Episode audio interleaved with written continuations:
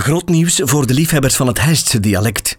Zowel het originele boek van Ikke en de Sikke als het nieuwe zijn binnenkort verkrijgbaar. Je kan de boeken nu reserveren op ikkeendesikke.be. Dit vertelselke werd ingesproken door Eddy Keulemans. Klets. Ik zal wel eens vertellen hoe dat ik voor de eerste keer in aanraking kwam met het vrouwelijk geslacht. Nee, heb ik elle volledige aandacht wel zeker. Maar het zal tegen elle gat gescheten zijn, want het is niet wat dat gelle paast. Ons moeder en onze vrouw worden getrouwd op de 17 september 1955.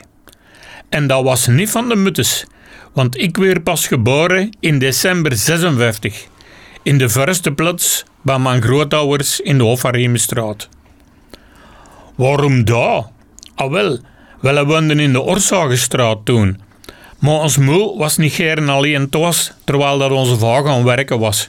En omdat ze op de les was, hadden ze bij Peet een bed klaargezet, vast moest zijn.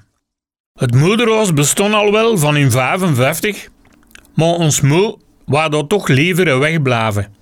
Want ze had nog niet veel goeds gehoord over die nonnen daar. Toen de moment gekomen was, sprong P. Witten op zijn vlauw en hij reed virklavens naar Gustav Vos, de vroedvrouw die toen bijna alle kindertjes van Hest op de wereld hielp. Gusta kwam meer Ottoke, een Volkswagenskit ter plaatse en een paar uurtjes later was het wonder geschied.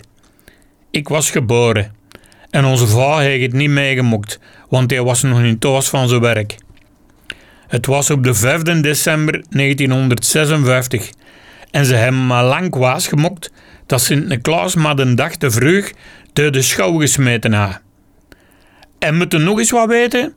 Op de 28 februari 1929 was P. Witte ook al eens op zijn vlauw gesprongen om Gustav Vos te gaan halen. Want die heeft ons moed toen ook op de wereld geholpen. In het bakwas van Janneke Goris op het Laar. Dat is toch straf?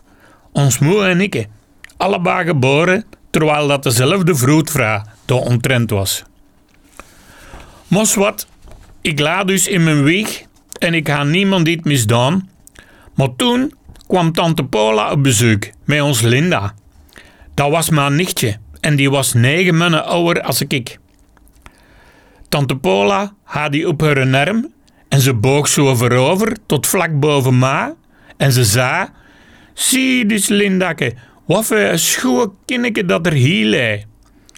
Maar ons Linda twijfelde geen seconde en die gaf me met de rechtse pol een klets vlak in mijn gezicht. Toen gingen bots mijn open. Ik wist genoeg. Mijn vrouwlie moeten altijd oppassen. Als we wat groter waren, heeft ons Linda trouwens toegegeven waarom dat ze dat toen deed. Ik was jaloers, want ik had direct gezien dat er een zonderkinneke in de familie was, like als ik.